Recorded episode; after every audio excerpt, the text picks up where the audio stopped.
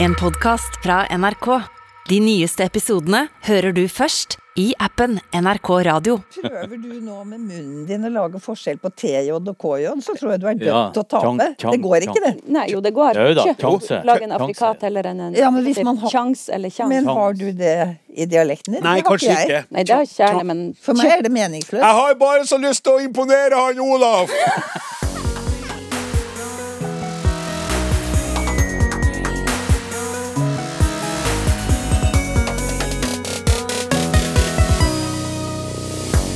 Tar jeg en eh, sjanse hvis jeg sier sjanse? Har det slått deg at noen faktisk sier slå? Hvor langt er et lik som blir funnet langs en vei? Og heter det ha det på eller i badet? Det er klart for Lytterspørsmål spesial! Nei da, vi pranker deg ikke. Her blir det flust med spørsmål fra start til mål.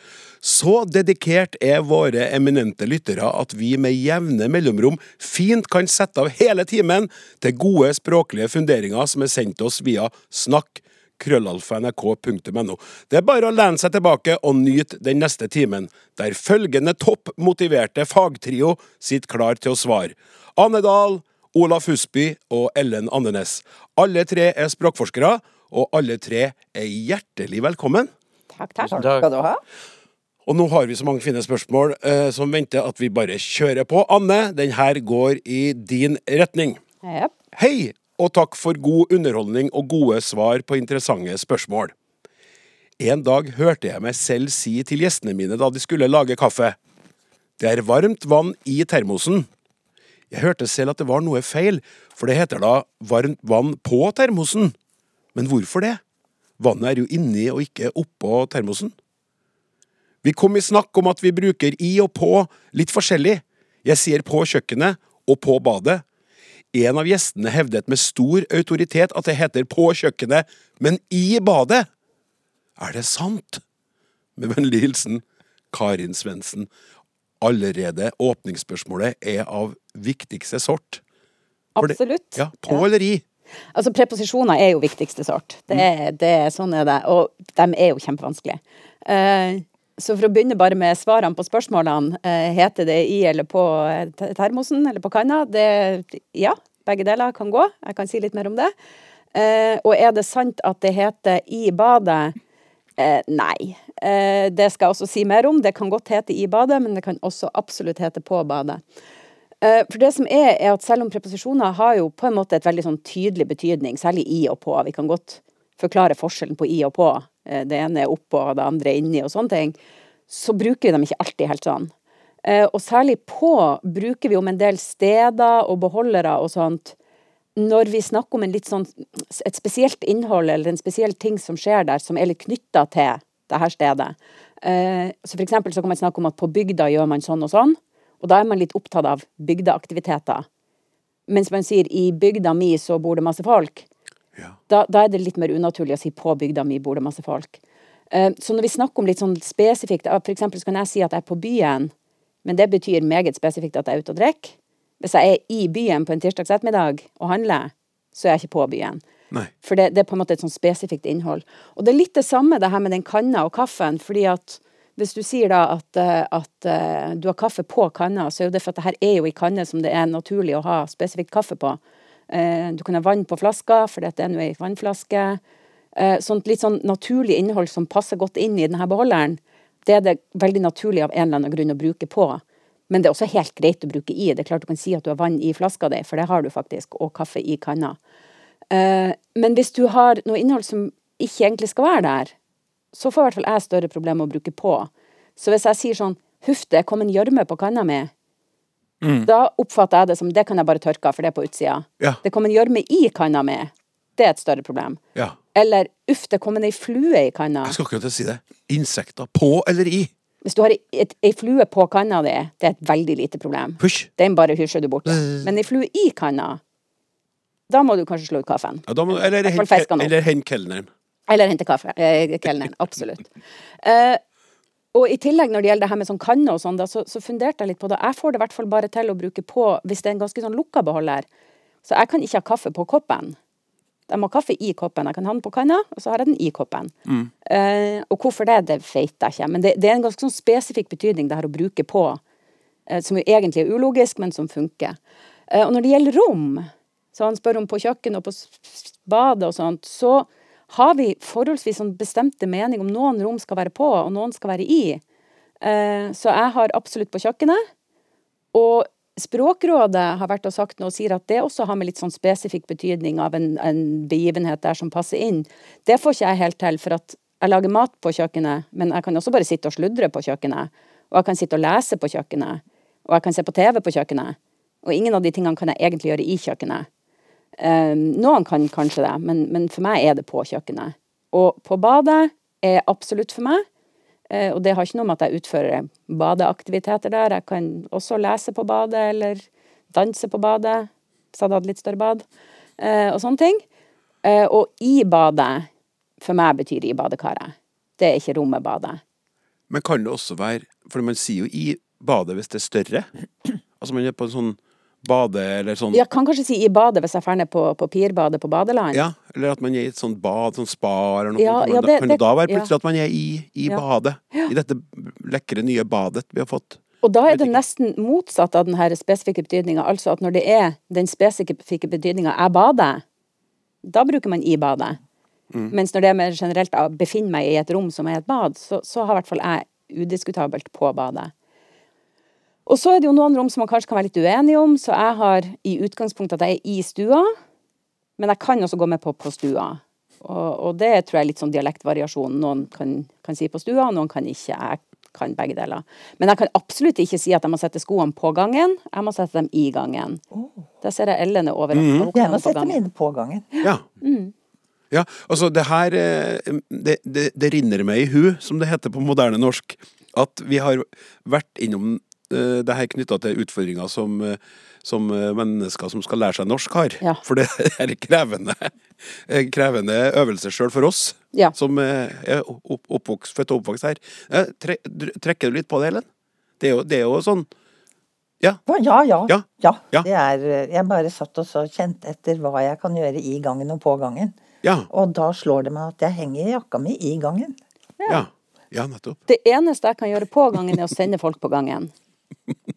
Men da er det jo om bevegelse til gangen. Ja, men Nå må jeg sende et spørsmål her på gangen, for vi må videre i programmet. Ja. Ja. Takk skal du ha, Anne. Språksnakk.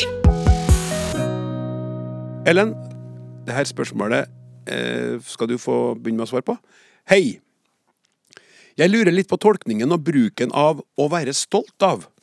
Ligger det i bruken av uttrykket at man er delaktig i den prestasjonen som utløser stolthet? Det er helt rimelig å si at jeg er stolt av ungene mine, siden vi som foreldre har bidratt til eh, det de har blitt. Men når en leder sier han er stolt av sine ansatte, har han ikke da også tatt æren for at de er så gode? Eller hvis jeg sier at jeg er stolt av Karsten Warholm, har jeg ikke da også indikert at jeg har spilt en rolle for hans suksess? Kanskje vi heller burde bruke uttrykket 'de imponerer meg', eller 'jeg er imponert av', i slike tilfeller, der vi tydelig tilkjennegir at vi ikke påtar oss noe av æren for prestasjonen. Kommentarer? Spørsmålstegn. Hilsen Bjørn Petter Ulvær. Ja, kommentarer skal bli. Det er Fint, fint spørsmål, det der. Eh, la oss starte med å se hva slags ord dette her er, da, for det syns jeg er litt morsomt. Eh, Det kommer av det norrøne 'stolter', som er beslektet med 'stolpe'. Og det betyr, altså Grunnbetydningen er stiv eller rank. Så man liksom man ranker seg litt når man er stolt. Uh, og hovedbetydningen er altså det å være seg uh, bevisst sin egen rang eller verdighet eller dyktighet eller sånn, og, og at man viser det. Ja. Eh, et stykke på vei så deler nok jeg intuisjonen til innsenderen, og har eh, en liten følelse av at for å være stolt av noe, må jeg på en måte ha bidratt til det. Eh, og det stemmer godt med den hovedbetydningen som jeg nettopp siterte. Men det er noe mer der, altså. Og hvor grensen går, det er ikke så lett å si. Eh, Hvis dattera mi gjør noe flott som jeg på ingen måte har bidratt til, blir jeg da stolt av henne, eller beundrer jeg henne? Nja, ja Kanskje jeg blir stolt. Og da er det kanskje sånn at eh, hun er en del av mitt fenomenologiske selv, eh, som noen kaller det. Oi. Ja.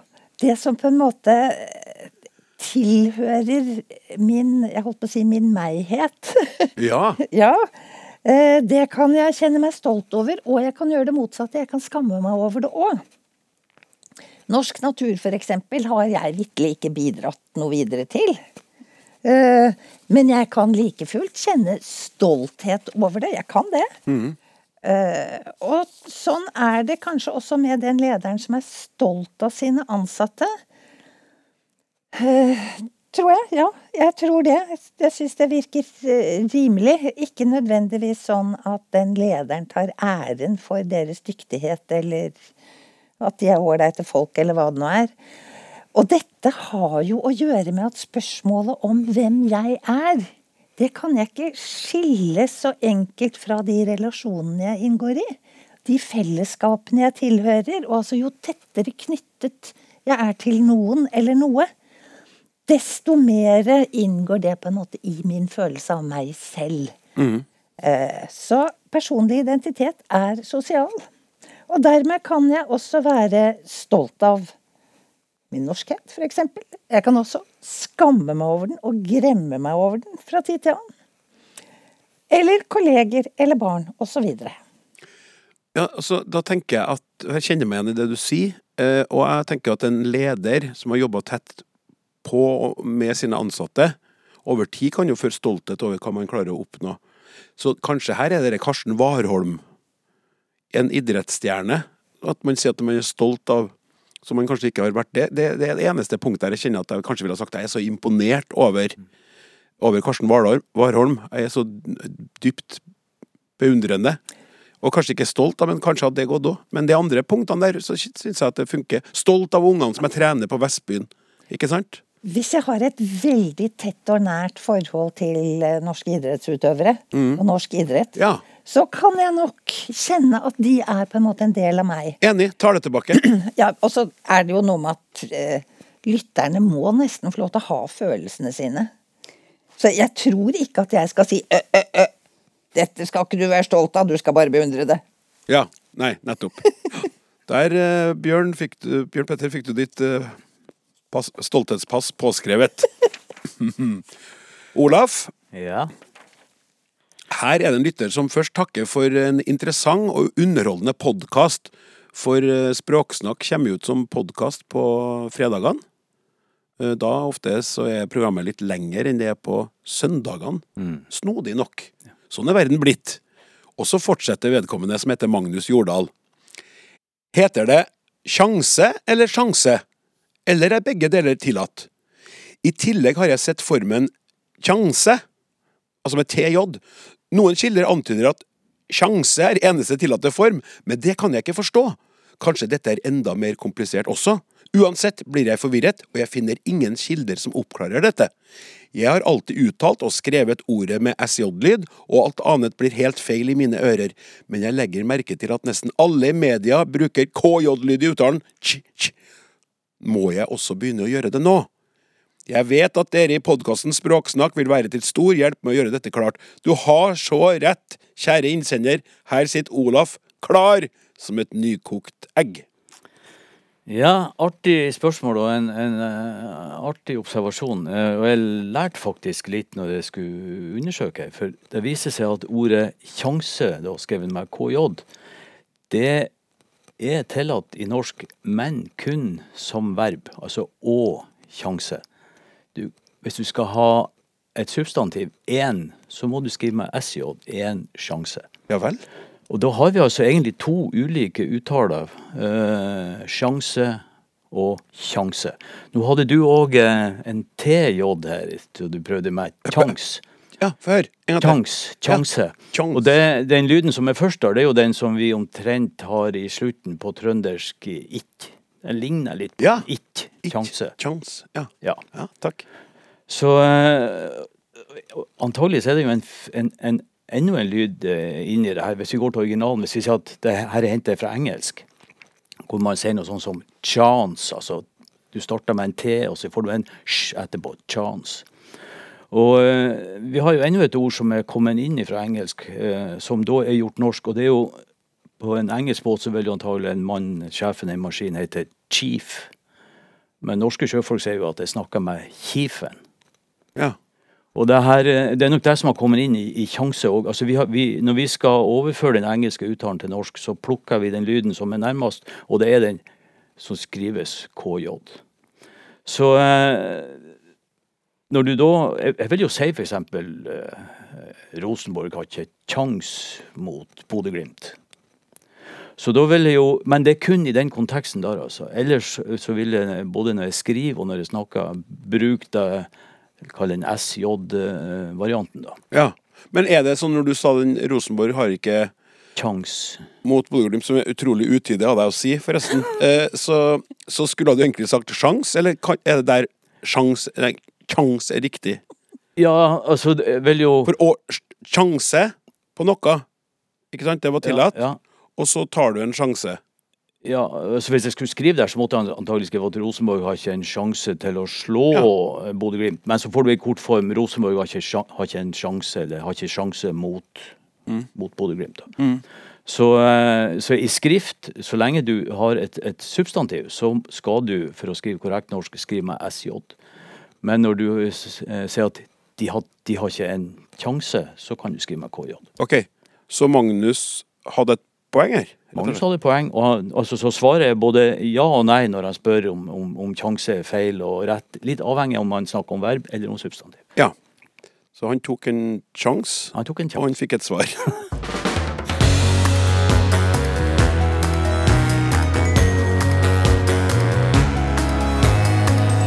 Språksnakk med Klaus Sonstad. Ja, Du lytter til Språksnakk, og i dag har vi lytterspørsmål spesial. Mange mange fine spørsmål som har kommet inn i løpet av sommeren og nå på starten av sesongen. Snakk krøllalfa nrk.no er adressen du bruker hvis du vil eh, bidra med et spørsmål eller en eh, undring fra språkets verden. Og nå skal vi over til noe som jeg har lagt merke til sjøl, faktisk. Eh, det her er innsendt av Jon Erik Bø Lindgren, som skriver Hei! Det ser ut til at prank, pranke, begynner å få fotfeste i NRK. Og så er det vist til noen linker da, eh, der man driver da som programledere i NRK og pranker hverandre. Eh, Anne, hva tenker du om pranke her? Ja, det er i hvert fall et ord jeg bruker sjøl uh, mye. Og Er det fordi du pranker mye folk, eller? Nei, jeg pranker egentlig veldig lite. Jeg er ikke så veldig glad i pranking. Jeg hater å bli pranka. Uh, men uh... Hva er pranking?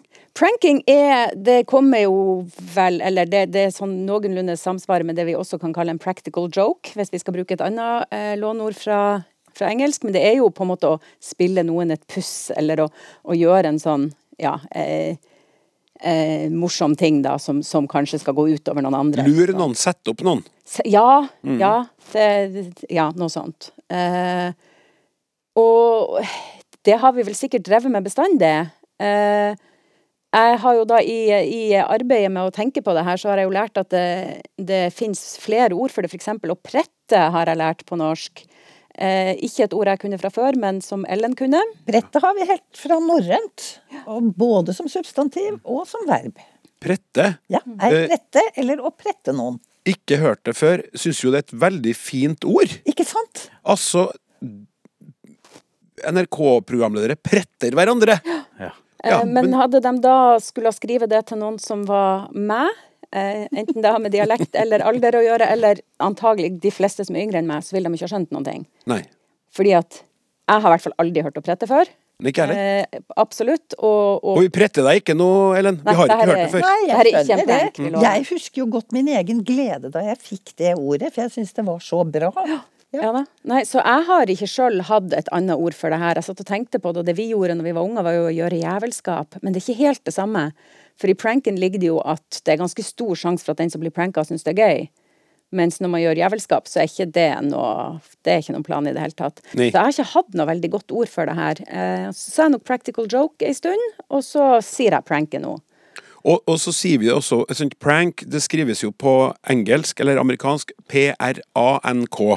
Mens her i NRK-systemet nå, hvor de her sosiale medier-videoene som er kort og lettfattelige og umulig å se bort ifra, for at de er, følger jo hele tidens melodi når det gjelder hva som er greia. Så står det jo 'prank' med æ. Ja, og det syns jeg er veldig gøy. Um, fordi at det har uh, kommet inn i, i, norske ordbøker, det her ordet med A, uh, for en, ja, 15 år siden. Så det er på en måte et kjent låneord fra engelsk. Mm. Uh, og, og, grunnen til at vi har lånt oss det ordet, er jo nettopp det du snakker om, de her virale internettvideoene, antar jeg. For det er så fint å pranke folk på nett. Så derfor så blir det et veldig sånn globalt fenomen. Og da er det helt naturlig at vi henter oss et låneord. Men det som er så uvanlig, er nettopp det at vi av oss sjøl, folk sjøl, begynner å stave det med æ. For vanligvis, hvis det er en ting vi ikke liker med låneord, så er det jo å prøve å stave dem på norsk. Så vi får f.eks. sånn som service. Ifølge ordboka så kan vi stave det med ø og s til slutt. Ingen som gjør det. Det er liksom sånn å, Språkrådet sier at vi skal gjøre det. Ingen som gjør det. Men pranket, der virker det som vi av oss sjøl har begynt å sette inn en æ i det. Eh, og det syns jeg er veldig gøy. Jeg har ikke noen veldig god forklaring på det, annet enn at det ser jo enda gøyere ut med æ. Mm. Og pranking er så gøy i utgangspunktet. Uh, at også skrive det med æ, så blir det liksom ekstra gøy. Ja, uh, den, den, teorien liker jeg veldig godt. Det er sånn... min meget lingvistiske teori for deg. ja, men... Så ville det jo være synd hvis noen leste det som pranke. Pranke, ja. Absolutt. ja, det er sant. Ja. ja. Som er veldig nærliggende. Ja, du får, du får veldig god hjelp ja, til å uttale det riktig gjennom den æ-en der. Ja, da. Men jeg er litt trist på vegne av Prette, da. Kjenner du Prette, Olaf? Helt ukjent for meg. Ja? ja. Hvor kjem, altså, Du sa norrønt er noe greit nok, som så mye annet, men, men Prette, hvor, hvor, hvor, hvor, var det de fikk dette, Prette? Jeg er mest forundret over at ingen av dere har det, for vi har jo forskjellige dialekter. Og Prette står f.eks. i Einar Haugen sin norsk-engelske ordbok, som jo har et ganske rikt tilfang fra norske dialekter. Ja. Eh, jeg fikk det fra ei venninne fra Ålesund. Ja. Og ble som sagt kjempeglad, for jeg syns det dekket nettopp eh, ja, noe som jeg trengte. Ja. Jeg kan jo si bare sånn For å følge opp det her med å hente seg låneord, da, i tilfelle noen syns det er gærent at vi henter det fra engelsk, så måtte jeg jo lese litt om ordet på engelsk, og det viser seg at de har sannsynligvis henta det fra nederlandsk. Ja. Så det er et låneord på engelsk òg. Et gammelt låneord, men sannsynligvis. Ja. Uh, den her uh, æ-en er jo litt interessant, og det er nok et tegn på at vi lever i ei anna tid. Vi har jo ord som På 60-tallet så hørte jo jeg mine første band, Beatles og Stones. Ja. Det skrives jo ennå med A. Og jeg for på campingtur, og det var med C og A og ikke K og Æ. ikke sant? Så jeg tror nok at vi er mer tolerante og kanskje spiller på det her. Det er interessant at vi på en måte fornorsker ja. ord. Men klart, noen ord er jo dømt. altså Service er nok helt ute. Jeg skriver clutch med K-L-Ø-T-S-J, og ikke med C-L-U-T-C-H. Ja. Jeg slutta å skrive clutch for jeg hadde automatgir så. Så, så, så, så, jeg bruker faktisk ikke ordet i det hele tatt. Vi skriver jo juice, de fleste av oss nå. J-U-S. Ja. Så jeg tror det er et spørsmål om tid. Jeg tror ja, det, var litt absolutt. Jo, men det, nei, men det er litt det at det er et spørsmål om tid. Men mm. er såpass nytt, og så har vi allerede begynt med æ-en. Og det er det som er litt Herlig. Litt, ja, jeg syns det er herlig. Og så er det jo et tegn på noe som vi nå har snakka om før her, om at når vi henter ting fra engelsk, så betyr det ikke at vi ikke har vårt eget språk. og og at vi bare bruker andre sitt språk. For at pranke med æ er jo helt åpenbart noe vi har gjort til vårt eget. Vi bare har masse plasser å hente fra. Ja, men, men skal du gjøre det språklige rette, så bør du ikke pranke, men prette. Tydeligvis. Jeg kommer til å fortsette å ikke pranke. Herlig. Da skal vi over til en uh, helt annen sak, er ikke det? Now to something completely different, som jeg sa en gang i tida. Hei, dere. Takk for et morsomt og interessant program for oss som er opptatt av språkets uransakelige og ransakelige spørsmålstegn veier, hvis det går an å si. I de senere årene har det kommet inn et uttrykk som har spredt seg med epidemisk fart, særlig innenfor sportsjournalistikken. Det gjelder preposisjonsuttrykket 'inn mot', som tradisjonelt blir brukt i forbindelse med sted, f.eks. inn mot land, inn mot Oslo. Vel og bra, men når det brukes som tid, skurrer det i mine ører. Eksempel når programlederen sier 'inn mot helgen', hel, eh, inn mot helga, eller 'inn mot OL'. Jeg liker det ikke. Hvorfor ikke bare si 'mot helgen' eller 'mot OL'? Hvordan kan dette i så fall forklares? spør Ole Petter Mostad fra Fettsund. Um, det som jeg liker, da, før jeg setter over til deg, Ellen, det at lyt, når lytterne skriver 'jeg liker det ikke', for at det er jo mye, det har vi jo oppdaga mye i det her programmet, at det går på følelser det med språk. Så én ting er følelsene, dem skal vi ikke eh, sette i tvil, men hva, hva med det grammatiske og alt det andre her? Ja, altså nå kan ikke jeg la være å si at språket vårt, det er jo en del av vårt fenomenologiske selv. Ja. Som vi har vært inne på før. Det er en del av meg, jeg er sterkt knyttet til det. Og derfor er det også mye sterke følelser. Men så er det jo, og noen vil si dessverre, ikke alltid sånn at fordi jeg ikke liker noe, så er det feil. Eller galt. Det er ikke fullt så enkelt. Og når det gjelder det derre inn mot om tid eh, Jeg har ikke noen sterke følelser knyttet til det, men jeg tror nok ikke jeg ville si det. Jeg ville bruke fram mot, jeg. Men jeg tror ikke politiet kommer om man sier inn mot heller. Jeg vet ikke, har noen av dere andre noen følelse av dette? Jeg har litt sånn følelse at hvis du sier inn mot, så er det med et meget tydelig mål om helga og om OL. Ja. Så frem mot OL, da kommer nå OL uansett hva du gjør. Men hvis du jobber inn mot OL, så har du på en måte snevra inn dette målet.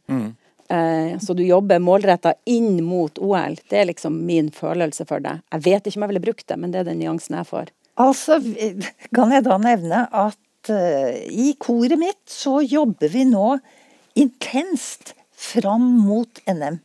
Vi jobber ikke inn mot. Jeg tror ikke jeg har hørt noen si det. Eh, Men målet er klart.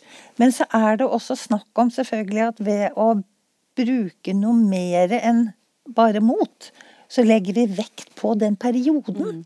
At altså det er en periode som avsluttes. Og Ja. det rimer jo godt også med det du sier, Anne. Ja, for Anne, du mente nå at inn mot eh, betyr en kortere tidsperiode enn fram mot, som kan være eh, Fram mot NM så jobber koret knallhardt for å bli så bra som mulig med det vi skal, eller, det vi skal synge. Inn mot NM nå, så må vi jobbe med den sangen. Ja, faktisk så tror jeg akkurat det. Nå er det jo korpset for min del, men vi jobber også absolutt frem mot NM. Hva er det for din del, Olaf? Ingen av de der. Nei, så, så jeg mener vi jobber Fonetikk, frem. men, men jeg kan tenke meg at hvis vi da eh, Hvis vi da hadde masse ekstraøvelser akkurat siste uka, så var det for å bli klar inn mot NM. Mens oppkjøringsperioden er, nok mer åpenbart frem mot. Ja. Eh, så jeg er enig med Ellen at vi jobber stort sett frem mot NM, ja. Men jeg kan få til inn mot sånn helt på slutten for å prikke inn toppformen. Ja, så vi du rekker opp. Når du forklarer det sånn, Anne, så er jeg tilbøyelig til å være enig. Ja, så fint. Jeg ringer i hvert fall ikke politiet, da. Nei, det, det, det, er bra. Det er veldig bra. Språksnakk med Klaus Sonstad. Hei, språksnakkere. Det er en ting som jeg syns er veldig rart. Jeg er vant til å si for eksempel mellom én og tre, men nå hører jeg oftere og oftere at folk sier mellom én til tre.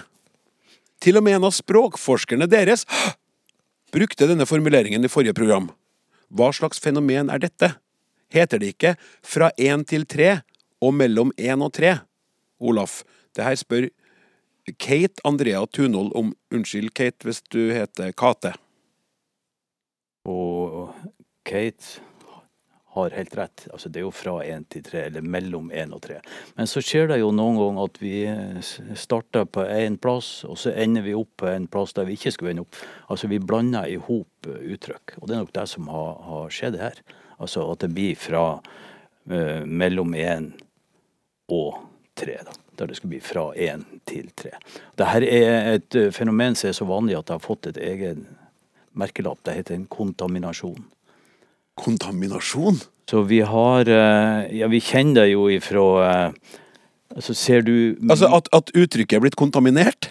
En Ja, det kan du godt Ja. si. Ja, altså, det, blir for- det er det. det er på en måte blitt forurensa av et An- annet uttrykk. Ja. Ja. Sier du 'se gjennom fingrene med noe', eller 'se mellom fingrene med noe'? Nei, altså jeg har, eh, jeg har sagt feil, så jeg har lært meg det rette. Som er Som er eh, se mellom fingrene, mener jeg. Er det, ikke, er er det gjennom? Ikke mellom, Det er ikke mellom. gjennom. Gjennom fingrene. Ja, men du holder handa sånn, og så ser du på en måte gjennom. ja, så man ser ikke mellom fingrene sine. Nei, nei. Så man gjør ikke det. det var, jeg har lært meg det feil. Så jeg, jeg sa det riktig og lærte Ja, meg det feil, da. Eller har jeg egentlig bare s- ja, ly- løy av? Så det er ikke mellom, nei. Nei. Det er gjennom. Men det viser jo ikke sant at over gjennom langtidsbruk tids bruk, altså, så, så blir det kanskje rimelig å, å Prøv, prøv å bruke- klarere neste gang sånne ting med meg, Olaf, på forhånd, så ikke sett meg i forlegenhet i mitt eget program. Jeg har et Syns det er utidig av deg. jeg har et spørsmål til. Ja, OK, greit. Men altså, ja. det, det kan, som vi kan klippe ut det her òg. Jeg ringer politiet nå. Ja, Vent litt, ja. OK, Det som Olaf. skjer, er jo at uh, når en sånn feil uh, får leve over tid, og ingen reagerer på den, så blir den på en måte den nye rette. Og så er det kanskje en og annen våken lytter, som Kate, som plutselig sier ja, men det der er jo rart. Kan det være rett, ikke sant? Og, så det, det er ikke noe oppsiktsvekkende at språket som sådan inneholder ting som vi ved nøye analyse vil si det her må være feil. Altså Uttrykk arver som en helhet. Så det andre jeg skulle bare spørre om, heter det 'skyte en hvit pinn etter' eller 'skyte en hvit pil etter'? Ja, der, den, det uttrykket har en god kollega av meg her i NRK brukt. Og da, Han har alltid sagt pil, og da har jeg begynt å sagt det, så da er det pinne, da. Da er det pinne, ja. Mm. ja. For da har vi sagt det feil, selvfølgelig. Så skjønner jeg det det- Jeg gleder meg til jeg skal møte neste gang. Og skal, Aha, du driver og sier pil fortsatt? Ja, du vet at det heter pinne? Ja, men det er klart, sånn, sånn rent i, i selve handlinga er helt rimelig at du kan skyte ei hvit pil etter noe. Ja. Sånn at, og den fortolkninga av uttrykket er jo rett, men altså, nå vet jeg ikke hvor uttrykket kommer ifra. Nei, for det lurer jeg på hvorfor man skjøt pinner. Var det før de fant opp piler, liksom? Det får vi ta neste gang. Ja, takk. Hei! Jeg har hørt på flere av programmene deres og ventet på at noen kanskje ville nevne det jeg selv lurer på. Skjer det noe med ordstilling på norsk nå? Det er svært utbredt, ikke minst blant politikere, at man har konsekvent feil ordstilling i leddsetninger med adverbialer. Jeg hører at også dere har gjort lignende feil, i hermetegn, så nå lurer jeg på om det er jeg som surrer. Setninger jeg reagerer på er for eksempel Han sier at han har aldri gjort noe galt. De mener at de skal ikke gjøre noe med saken. Adverbialer som ikke, alltid, aldri osv. gjør vel at ordstillingen må endres til at han aldri har gjort noe galt, at de ikke skal gjøre noe med saken. Noe annet er bruken av ingen, ikke noe. Han mener at å slåss mot det er ingen vits. Her ville jeg sagt han mener at å slåss mot det ikke er noen vits. Jeg håper dere har tid til å snakke om eh, disse to fenomenene. Med vennlig hilsen Anne B. Edvardsen. Det har vi tid til. Eh, Anne, har ikke vi det? Jo, det spørs om vi har tid å snakke om det så lenge som jeg gjerne kunne snakke om det, for det her kan jeg snakke lenge om. Men, eh, men det syns jeg absolutt vi skal snakke om, ja. Um, fordi at innsenderen har jo rett uh, i og for seg, i at denne ordstillinga er kanskje litt rar på norsk, eller i alle fall ikke riktig ifølge skolegrammatikken. Uh, for det er jo sånn at norsk ordstilling er sånn at i hovedsetninger så vil vi i de fleste dialekter alltid ha verbet på andreplass i setninga. Så uansett hva annet vi gjør med setninga, så vil vi ha verbet på andreplass. Og derfor så sier vi sånn som at han går aldri eh, på butikken. Og da putter vi adverbiale, altså adverb som, som sier noe om hele setninga i denne sammenhengen, sånn som aldri og alltid og sånt. Eh, Det putter vi etter verbet i hovedsetninger, fordi vi vil ha verbet på andreplass uansett hva vi gjør. Og det gjelder for alle de germanske språkene, altså de skandinaviske språkene og tysk og sånt, unntatt engelsk. Engelsk har ikke denne regelen. Så de sier jo uh, he never walks. De putter det her adverbet før verbet. Eh, men norsk og vi andre germanske vi gjør ikke det i hovedsetningen. Men så i leddsetninger, som innsenderen påpeker, så har vi ikke denne verbet på andreplass-regelen. Så da vil vi ha adverbiale før verbet. At han ikke kommer. At han aldri kommer. Og så. Og det stemmer med skolegrammatikken og sånn som vi sier at norsk er. Men så viser det seg da, når man begynner å kikke på det, at folk sier eh, Han sa at han kommer ikke. Altså med verbet rett etter subjektet og dette adverbiale etter verbet. Folk sier det. Um, og det har vært undersøkt litt. Det er litt dialektvariasjon og litt forskjellig. Og så kommer det litt an på verbet i hovedsetninga. Sånn at hvis verbet i hovedsetninga eh, slår fast et slags nytt faktum, så liker vi ganske godt å ha den her såkalt gale ordstillinga, da. Eh, så han sa at han kommer ikke. Det er jo en ny informasjon. Eh, og der hadde noen Olaf en, en tanke om at det har antagelig litt med rapportering av direkte tale å gjøre. Ja, jeg tror at eh, vi ser det jo særlig etter at, og kanskje òg om, i å spørre om, at du bare flytter den eh, hovedsetningsstrukturen over i leddsetning, at du bare kopierer. ikke sant? For det blir mye vanskeligere å gjøre det dersom du bruker andre ord som innleder leddsetninger, som f.eks. For fordi eller vis eller Det er jo mange, mange, mange sånne eh, innlederord. da. Så hvis du, noen har sagt noe, og så spør du hva var det han sa, så gjentar du øyeblikkelig sa, men du putter det inn i leddsetning. Han sa at han kommer ikke. Ja. Og, og, så det blir bare en, en, en kopi, da.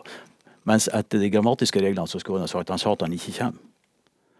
Men hvis, du, eh, hvis du gjør det eh, Det kommer vi kanskje tilbake til. Litt mer komplekse strukturer, hvor det her blir litt vanskeligere igjen. Ja, for det er jo for det, jeg, jeg tror nok helt sikkert at, at det, det har noe å gjøre med det her med å på en måte rapportere en, en direkte tale.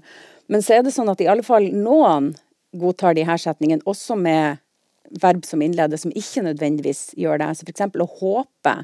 Jeg håper at han kommer ikke. Eh, er det folk som syns er helt OK? Og da rapporterer du jo ikke noe direkte tale. Jeg syns ikke det er så kjempegodt. Ikke jeg heller. ikke du heller, nei. Og det var Ellen og Olaf likte det heller ikke så godt. Når det er sagt, så skal du ikke se bort fra at plutselig en dag så sier jeg det. Fordi at jeg tror at jeg ikke liker de her setningene. Og så plutselig er det noen som sier 'der sa du det, Anne'. Så det kan hende jeg gjør det mye mer. Eh, Men så er det noen verb som, som på, på ingen måte slår fast et nytt faktum. F.eks. angre. Så hvis du snakker om at noen angrer på noe, så er vi allerede enige om at det har skjedd. Så han angra på at han kom ikke på festen. Det syns de fleste er ganske rart. Eh, Så det kommer litt an på verbene her. Um, og så er det da Det er først og fremst i attsetninger. eh, Så det gjelder ikke alle leddsetninger. F.eks. i relativsetninger. Eh, gutten som kom ikke, det blir veldig rart. Det må være som ikke kom. Um, så det er attsetninger spesifikt. Um, og, og om det her er en endring, om det er noe som skjer med språket, eller om det har vært der hele tida, det vet jeg ikke så mye om. Men det jeg vet, er at det varierer mellom de skandinaviske og nordiske språkene hva man godtar. Og de som godtar flest av de her eh, litt rare, det som vi oppfatter som kanskje ikke helt rett, det er islandsk og færøysk. Eh, og det assosierer vi jo kanskje med de gamle, opprinnelige språkene. Sånn at det sier for meg at det er ikke nødvendigvis noe som skjer med språket. Sannsynligvis har det her vært her hele tida, men det har ikke stått i skolegrammatikken, og så har vi ikke sett at det var der, og, og, ikke, og så begynner vi å legge merke til det når det skjer. Ja.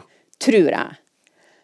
Eh, så, så det er det her første, første med de her adverbialene. Eh, altså det, innsenderen har rett. Det er ifølge skolegrammatikken ikke riktig, men folk gjør det i spesifikke sammenhenger. Så når det gjelder ingen, eh, så må jeg jo også si at jeg er enig med innsender. Eh, at, eh, at det å, å slåss mot det er det Det mener han at det ikke er noen vits i, må være riktig. Ikke det er det ingen vits i. Um, og igjen så tror jeg skolegrammatikken vil gi innsender rett, men folk kan gjøre litt forskjellig. Uh, og jeg tror måten å tenke på det er på at ingen er jo på en måte et ord som er sammensatt av to ting. Det er sammensatt av den her negasjonen, altså det negative elementet ikke, og så er det satt sammen av noe som betyr noe. Og i de fleste vanlige hovedsetninger, i hvert fall hvis vi bare har ett verb, så kommer ikke og noe etter hverandre uansett i setninga. Og da kan vi slå dem sammen til ingen. Så jeg så ingen. Jeg så ikke noen. Det går helt fint. Hvis du begynner med ei sammensatt verbform, altså et hjelpeverb og et hovedverb, så vil du plutselig ha ikke mellom de to verbene, men du vil ha noen til slutt. Eh, jeg har ikke sett noen. Da får vi ikke til ingen. Jeg har sett ingen. Veldig rart. Så i det øyeblikket de skal flyttes fra hverandre, så må du dele dem opp, og da må du bruke ikke noen eller ikke noe eller sånt. Og da er vi tilbake på det her med de leddsetningene, fordi at i leddsetninger så vil du ikke ha verbet på andreplass, hvis du liker skolegrammatikk. Og da vil du ha ikke før verbet, men du vil jo ha noen etter verbet. Og da får du altså at han ikke sa noe, at han ikke syns det var noen vits. Men hvis du da hører til de folkene som syns at nei, men verbet på andreplass i attsetninger går fint, det, så kan du også godt si at det er ingen vits. Da fikk du verbet på andreplass, og det er det mange som er helt happy med. Så det forklarer både at folk sier det, og at innsenderen, som tydeligvis ikke liker verbet på andreplass i leddsetninger, og har en mer skolegrammatikk i sin intuisjon, han liker det ikke. Og jeg kan si at jeg liker det heller ikke så godt. Men i løpet av dagen kommer jeg sikkert til å si det uten å oppdage det sjøl. Jeg kan si at jeg likte svaret ditt veldig godt. Det er jo hyggelig. Det kan jeg få lov til å si. Et lytterspørsmål til Språksnakk kolon. I en tekst sto det at liket ble funnet langs en vei. Min første tanke var at det må ha vært et svært langt lik. Hva mener Språksnakk om langs i denne sammenhengen, undrer Leif Jacobsen fra Kløfta, Ellen. Ja Jeg tror jeg forstår hva innsenderen mener. At eh, han tenker Altså hvis vi tenker oss at langs noe må være hele lengderetningen, sånn som hvis jeg kutter ei planke på langs, eh, så vil det jo være et veldig langt lik, kanskje, ja. Eller en fryktelig kort vei, eventuelt. Men det er jo ikke så enkelt. Vi behøver ikke alltid ha hele lengderetningen. Læreren kan jo godt be elevene om å stille seg langs veggen, f.eks. Det betyr en rekke som går i veggens eh, lengderetning. Ikke at de må spre seg ut i hele lengden, fra kortvegg til kortvegg. Og altså, Det norske akademis ordbok har noen fine eksempler der. Stimer av hai går langs kysten, f.eks. Det gjorde de i 1934 i tidens tegn. Oi. og kaptein Grendestua gikk langs rekkene og målte hver menig soldat fra hode til fot. Og så har vi det lave buskaset langs vannet, for eksempel. Eh, så altså, sånn er det. Men allikevel så butter det kanskje litt at liket ble funnet langs f.eks. Rik riksveien. Jeg reagerer også litt på det, fordi at jeg forutsetter at liket ligger stille. Så det er kanskje en utelatt liket ble funnet et sted langs riksveien. Mm. Eh, og en alternativ uttrykksmåte hadde jo vært ved veien. Mm. Det er kanskje ja. Kunne bli litt morbid å se at liket var partert, kanskje? Da, da er det langs. Ja, det lå strødd langs. Ja, at på en måte langs forutsetter mer utstrekning enn ved. Ja. Mm. Jeg får kanskje litt følelse også av at de som har leita eller har oppdaga livet, her, like har vært på tur langs veien, og mens de var på tur mm. langs veien, så fant de like langs veien. Ja. Da, da, får jeg det til å funke. Språksnakk med Klaus Sonstad. Hei, Språksnakk. Takk for noen veldig fine episoder av podkasten så langt. Som mangeårig Språkteigen-lytter er jeg svært fornøyd med arvtakeren i NRKs språksatsing. Koselig å høre.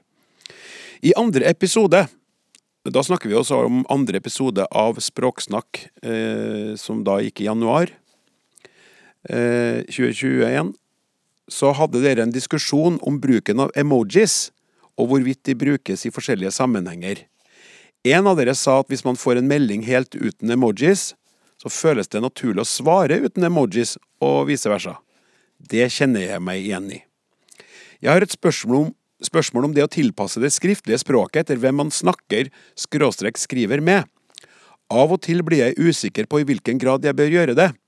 Om avsender har skrivefeil eller grammatiske feil i sin e-post, skal jeg følge opp eller rette opp feilene. Jeg kan ta et par eksempler. NN skriver Hei, Kjetil. Skal jeg da svare Hei, NN, selv om jeg vet at Hei, NN er rett med komma etter hei? Avsender skriver Lager du powerpoint, altså med to ord, til, i morgen? Skal jeg da svare ja, jeg lager powerpoint i to ord, eller ja, jeg lager powerpoint i ett ord? Her dras jeg mellom en slags skriftlig empati, følge opp andres feil for å ikke å synliggjøre feilene, og pedanteri rette opp andres feil. Jeg er opptatt av rettskrivning, skriving, men jeg vil ikke virke nedlatende ved å rette opp andres feil. Har dere noen innspill til hva jeg kan gjøre i disse situasjonene? Vennlig hilsen Kjetil. Det her syns jeg er eh, interessant. Jeg kjenner meg igjen. Spent på hva dere tenker om det. Anne, du kan begynne, og så tenker jeg at det er flere som hiver seg på etter hvert her. Ja, jeg kan godt begynne. Jeg syns jo utgangspunktet at å prøve å, å, rette opp andre sine språkfeil, det syns jeg kanskje ikke noe særlig om. Jeg syns det er en ganske annen diskusjon enn den der emoji-diskusjonen. For da er det på en måte snakk om språkstil og formalitetsnivå og sånne ting, som det er fint å tilpasse. Eh, det henger jo mer sammen med bruker du fornavn eller etternavn og sånne ting. Eh, men så rette opp feil, det blir noe annet. Eh, og så tenker jeg at den her personen som har sendt den første e-posten, da, det kan være to grunner til at det er feil i den e-posten de har sendt. Det ene kan jo være at de faktisk ikke kan skrive bedre. Og da er det jo litt optimistisk å tro at man skal hjelpe denne personen ved å svare på én e-post, og tro at da plutselig lærer de det. Så da er det jo neppe noen vits. Det andre kan jo være at de faktisk ikke bryr seg. Eller kanskje at de til og med foretrekker det sånn som de har skrevet det. For at akkurat når det gjelder det her med hei, komma eller ikke, så er det litt gøy, fordi at på norsk så er det ganske riktig korrekt å ha en komma etter hei, så du skriver hei, komma, Klaus. Jeg syns personlig det ser så tåpelig ut. Jeg syns det ser litt sånn avmålt og surt ut, og rett og slett liker det ikke. Så eh, hun Ellen, som jeg vet at setter komma der, hvis hun sender meg en e-post 'Hei, komma Anne', så tenker jeg 'Å ja, eh, vi er ikke bedre venner', nei. Akkurat. Og så svarer jeg 'Hei, Ellen', uten komma. For jeg vil ikke ha den kommaen der. Jeg vet at den skal være der, men jeg forbeholder meg retten til å blåse i det. Så det kan jo også eh, være tilfellet. Uh, så jeg tenker at, at, det er ikke så nøye. Man kan jo svare sånn som man sjøl er komfortabel med, og så er det greit. Og Hvis man syns det er veldig ubehagelig, så kan man jo prøve å ikke fremheve det her problematiske området. Så hvis noen har skrevet til deg og spurt lager du en powerpoint til i morgen, så istedenfor å lure på hvordan du skal stave powerpoint, så kan du jo bare svare ja, det gjør jeg. Så har du unngått hele problemet. Så jeg ville ha tatt det der litt sånn slekt, svart skrive sånn som man sjøl skriver, men uten å tenke så mye over hva den andre personen leser. Ja. Eh, hei, komma Ellen, hva tenker du om det her? jeg tenker at neste gang jeg skal skrive et e-brev til Anne, så skal jeg ta med et smilefjes. Det vil jeg sette pris på. Da skjønner jeg at vi er venner selv om du har kommet. Nettopp. Ja. Men ellers, altså jeg syns jo dette er et interessant spørsmål. Det er jo akkurat det powerpoint-eksempelet. Der er det lett å finne en alternativ uttrykksmåte. Uh, og det er ikke alltid det er det, så jeg kan kjenne meg igjen i at en sånn situasjon kan være litt ubehagelig. Men uh, uh, jeg lander på samme konklusjon som Anne. Altså, jeg skriver sånn som, sånn som jeg syns det skal være. Jeg skriver sånn som jeg skriver, og jeg tenker litt sånn lev og la leve. Mm. Når det gjelder språk. Og så er det én ting, da. Det, hvem kan si med sikkerhet at den andre vil tenke å, Ellen skriver sånn, da er det det som er rett, da har jeg gjort en feil. Kanskje vedkommende tenker jøss, ja ja, sånn skriver hun. Ja. Hun, er, hun, kan vel kanskje ikke alle reglene, men det skal ikke jeg bry meg med. ikke sant? Hvis jeg svarte på en sånn e-post og retta, opp, f.eks. hvis en annen orddelingsfeil, da, altså mm. sånne med et helt norsk ord, der noen har delt opp et sammensatt ord, det syns, det liker ikke jeg. Eh, og så ville jeg svart med det sammensatt. Og det ville jeg bare gjort uten å tenke over det. Men det er jo helt sikkert at jeg sikkert ville hatt en annen språkfeil et sted i den e-posten jeg sendte tilbake. Sant? Så det betyr jo ikke at, at jeg kom min korrekte tilbake. For jeg er jo sikkert noe annet feil. Jeg kan tilfeldigvis til dem å sette sammen ord. Ja. Olaf, kjenner du deg igjen i det her, eller?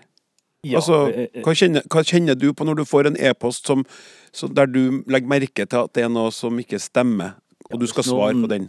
Hvis noen f.eks. skriver 'kan dessverre ikke komme', og så skriver de meg 'æ'. Mm. Mm. Som ofte skjer. Eller at nå blir jeg verre og verre med æ.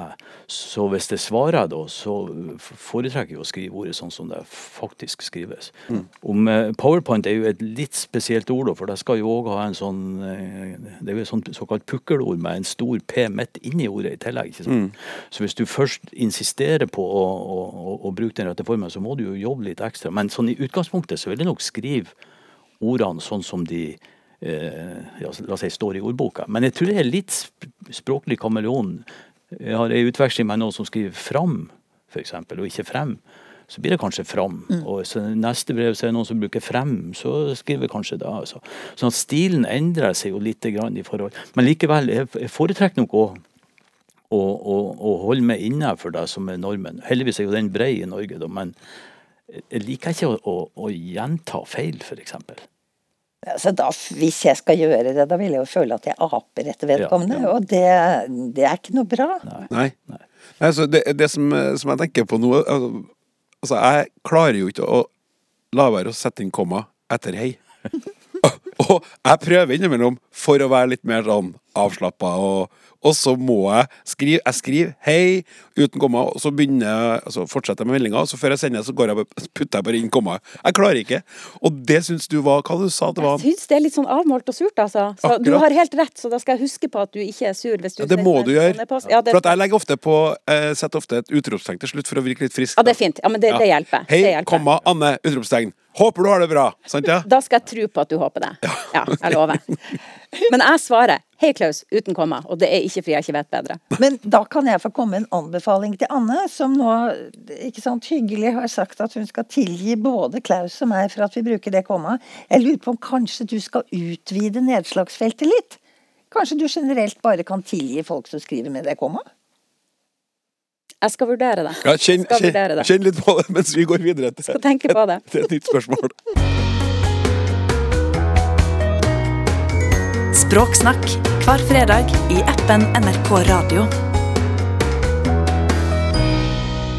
Så har vi fått inn et spørsmål fra en som velger å være anonym, men det er helt greit så lenge spørsmålet svinger, og her kommer det. Nyordet uhelse brukes visst mer og mer.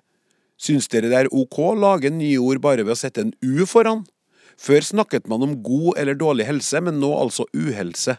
Man kan eksempel også ha god eller dårlig kondis, eller være i god eller dårlig form. Skal man nå heller begynne å si ukondis og uform?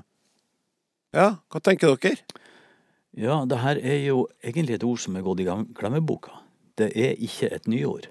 Ah, Uh, hvis man kikker i, eh, så på nb.no, der fant jeg treff på over uh, 1300 bøker i 3000 aviser og i 300 tidsskrift. Og det eldste treffet var fra 1809 i Adresseavisen. Så det her er et ord som har vært hyppig i bruk, kanskje ikke i folkemålet, for å si det sånn, men det har vært hyppig i bruk, og så har det rett og slett bare eh, forsvunnet sakte. Altså, i norrønt språk så ble u brukt som prefiks, altså sånn foranstilt, til både substantiv og adjektiv og partisipper. Sånne substantiv som umak, ugreie, uvett og uvilje, det er norrøne ord. Og det er også adjektiv som ugild, usikker og utrygg. Og så har vi jo en mengde upartisipp, sånn som uhørt, unevnt, usett, ubedt, ustelt og usagt, osv. Så så altså her har vi et gammelt prinsipp for ordlaging. Eh, og når vi legger ut til et eksisterende ord, så kan vi få eh, et nytt ord som betegner motsetningen til det eksisterende ordet. Sånn som i udyr eller uvær eller umenneske, og altså uhelse. Og u var ikke det eneste prefikset som ble brukt på den måten. Både u og vann og miss har vi hatt, og har fremdeles. Eh, Det betyr vanligvis enten eh, altså at noe nektende, sånn at uro betyr ikke ro, ukjærlig betyr ikke kjærlig, eller det kan være nedsettende. Uvær betyr jo ikke ikke-vær, det betyr dårlig vær. Og et udyr er en, kanskje et dyr, men det er nedsettende, og et uår er et år med veldig dårlig grøde. Og så er det forholdet mellom disse, da. Fordi tre, u, vann og miss, de brukes stort sett med samme betydningene. Eh, Sånn, vannstyre er et dårlig styre. På helseområdet så har vi både vannfør og vannskapt og vannhelse. Men vannhelse, det har nok gått ut av bruk ganske mye til fordel for eh, uhelse. Og vi sier også ufør heller enn vannfør. Men ordet vannskapt er aldeles ikke blitt til uskapt. Derimot så har vi eh, et ord som heter misdanna. Og mange andre ord på miss. Og nå spør jo lytteren vår ironisk om vi f.eks. kan snakke om å være i uform, eller ha ukondis. Åh, det lyder rart akkurat nå, men det gjorde kanskje mange av disse andre orda også, da de først ble skapt. Kanskje det kommer som nyord. Vi, det er ikke noe som heter en uvinter, eller å vannlese, eller et misdyr. Men kanskje vi kunne ha hatt sånne ord. For det er fremdeles produktive eh, prefikser, dette her. Det er ikke bare de gamle ordene. Vi kan f.eks. godt si om noen at vedkommende er ukul. Det er ikke noe problem i det hele tatt. Og så gir de oss jo veldig mange eh, eh, variasjonsmuligheter. Hvis vi tar utgangspunkt i ordet tro, så kan vi få både vantro, mistro og utro, som betyr litt forskjellige ting. Hei! Jeg hørte på Språksnakk fra 21. mai, hvor dere snakket om junktur i ord som Oslo og Russland. I det programmet ble det sagt at i Norge sier vi ikke sl når det forekommer i begynnelsen av ord men sl. Eksempel slo. Jeg er norsk og sier ikke slo, men slo. Jeg synes derfor det er upresist av en språkforsker å si i Norge sier vi. Tradisjonelt finnes ikke sj-lyden i arendalsdialekten i det hele tatt, derfor uttales alltid s-en helt framme i munnen, uavhengig av om den står sammen r, l eller kj-lyd. Ord som skinke, ski og sjø blir på arendalsk uttalt kinke, ki og kjø. Nei, Skinke, ski ki og kjø. Ja, du, nei, du må si S og J etter hverandre. Skinke, ki og kjø. Ja. Fordelen med dette er at vi har ingen problemer med skyldlyden. Er det andre dialekter i Norge som har dette fenomenet? Takk ellers for et flott program. Trygve Vaka. Olaf, det er du som får ditt pass påskrevet. Nå føler jeg Ja. at dere tar det ut på meg, men det, var du som sa det med 'i Norge'. Ja. Så sier vi Ja. Nei, jeg tar uh, Kritikken, den er helt grei, den. Problemet er jo at når man skal snakke om norsk uh, i stort, så er det veldig vanskelig å peke på trekk som finnes i de ulike dialektene. Vi er nødt til å generalisere, og derfor så sa jeg norsk. Eh, hvis man spør hvor mange språklyder det er i norsk, ja, Vestlandet har 17, Oslo har 22, der jeg kommer fra så har vi 27, ikke sant. Alt er jo norsk. Men vi er jo blitt enige om en slags eh, standard som vi refererer til som norsk, og så har vi da elementer utenfor som vi må bare utelate. Hvis jeg skulle snakke om norsk R, kanskje har vi sju-åtte forskjellige R-er i norsk, så er det lett for meg å bare ta den vanlige R, og ikke begynne å gå gjennom hele Altså, historien blir for lang. Det er det som er problemet. ja. Jeg må, jo bare støtte han Olaf på, på akkurat det her, at, at det er fryktelig vanskelig, og, og litt avhengig av hva, hva vi driver med. Så noen ganger så må vi jo faktisk bekymre oss veldig om akkurat hva dialekt vi snakker om. Og så noen ganger så snakker vi om sånn standard østnorsk, for å bare ha en sånn enkel standard. Som nok var den han Olaf tenkte på her, sånn litt sånn i hovedsak. Men så blir jo det litt vanskelig, for hva som er standard med den, og hvorfor skal den være noe bedre? Akkurat, og så hva, mener du med enkel? Ikke sant. Så har vi det gående. Og jeg er sikker på at vi alle sammen i løpet av de her programmene har sagt ting som er sånn Ja, men ikke på alle dialekter, du. Um, så, så sånn Ja, altså vi skal være flinkere til å si på de fleste dialekter, eller i veldig mange dialekter i Norge. Men det er veldig fort gjort. Men så har jeg bare lyst til å legge til at det som er veldig kult med Norge, fordi vi har så mange dialekter og er så stolt av dem, er at hvis du sitter og hører på et program om språk i Norge, og hører på en språkekspert som sier noe som ikke stemmer med din dialekt, så tenker du ikke 'å nei, dialekten min er sikkert feil'. Nei, da skriver du inn og setter språkforskeren på plass. Det er faktisk ikke så mange steder i verden at vi har sånn stolthet over egen dialekt, så det er veldig kult. Ja, og det er ikke alle plasser man har sånne språkprogram heller. Og hvis du nå sitter og kjenner på noe som du har lyst til å skrive inn til oss om, enten et spørsmål eller en eh, ytring, snakk krøllalfa.nrk.no. Tusen takk skal dere ha, Anne Dahl, Olaf Husby og Ellen Andenes. Språksnakk Språksnakk er slutt for i dag. I redaksjonen Morten Lyn, Randi Lillealteren, Petter Gustavsen og Hilde H. Bjørg. Jeg heter Klaus Sonstad. Ha det i badet. Vi snakkes! Bra. Det blir litt mer P3 hvis det bytter til språksnakk. Ja, det gjør det. det syns Språksnakk! Språksnakk. Og så da var det språksnakk, snakk, snakk, snakk. Du har hørt en podkast fra NRK. De nyeste episodene og alle radiokanalene hører du i appen NRK Radio.